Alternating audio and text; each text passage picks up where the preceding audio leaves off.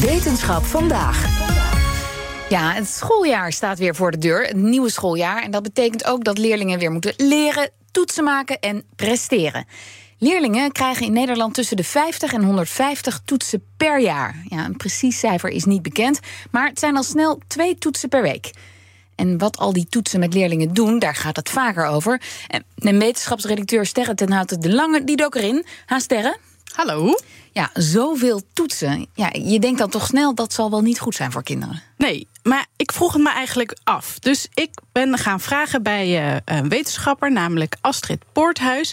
Zij is ontwikkelingspsycholoog aan de Universiteit Utrecht. En zij kijkt naar het effect van toetsen. Wat het effect van toetsen is op het zelfbeeld van jongeren en hun schoolbetrokkenheid. En ik vroeg me af of zij tegen toetsen is. Uh, nou, ik vind dat we daar wel heel veel kritischer naar moeten kijken.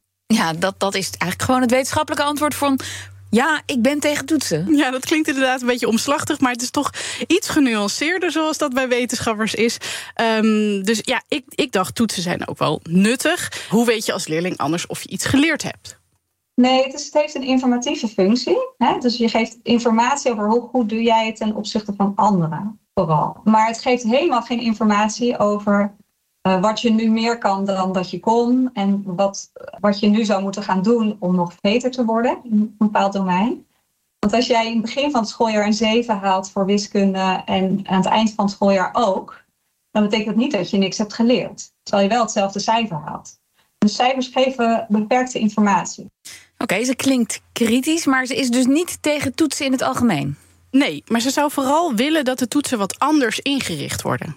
Nee, dus ik zeg zeker niet schaf toetsmomenten af. Want het is juist heel erg belangrijk om, uh, om feedback te krijgen op hè, wat kan je al wel, wat kan je nog niet. Maar uh, er hoeft niet altijd een cijfer aan te hangen.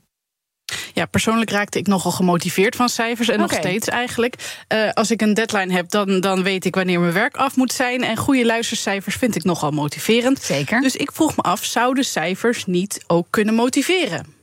Dus um, het klopt dat, dat binnen een, een context waarin cijfers worden gegeven, leerlingen met hogere cijfers uh, eerder meer gemotiveerd raken en leerlingen met lagere cijfers minder. Maar in leeromgevingen waar geen cijfers worden gegeven, maar een andere vorm van feedback, blijft iedereen gemotiveerd. Oh, dat is nogal een verschil. En, en hoe komt dat dan? Ja, dat heeft te maken met uh, hoe de cijfers invloed hebben op het zelfbeeld van de jongeren. Ja, je zou verwachten dat leerlingen die denken dat ze falen omdat ze gewoon niet goed zijn, dat die afhaken. En dat leerlingen die denken dat ze invloed hebben op hun cijfer, ook al is het een slecht cijfer, dat ze volgende keer harder gaan werken. Maar Astrid die zag dat er geen verschil is in zogenaamde schoolbetrokkenheid tussen de twee groepen als, ze, als het gaat over een slecht cijfer. Maar er blijkt dus wel een verschil te zijn tussen deze twee groepen als ze denken over een succes.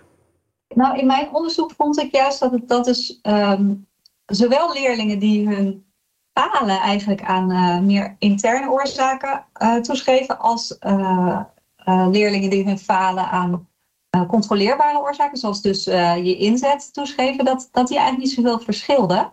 Maar dat het vooral de groep was die hun successen niet aan dingen toeschreef waar ze zelf iets aan konden doen, dat die het slechtste af waren. Dus door dit onderzoek ben, denk ik nu van, oh, we moeten ook ons richten op juist op, uh, op hoe denk je over je eigen successen of de dingen die wel lukken. En als je daar je eigen rol niet in ziet, dat is uh, mogelijk een signaal dat, dat er uh, iets aan de hand is. Hmm. En heeft ze dan ook nog concrete tips voor ouders? Hier staat er een. Ja, dat heb ik haar gevraagd.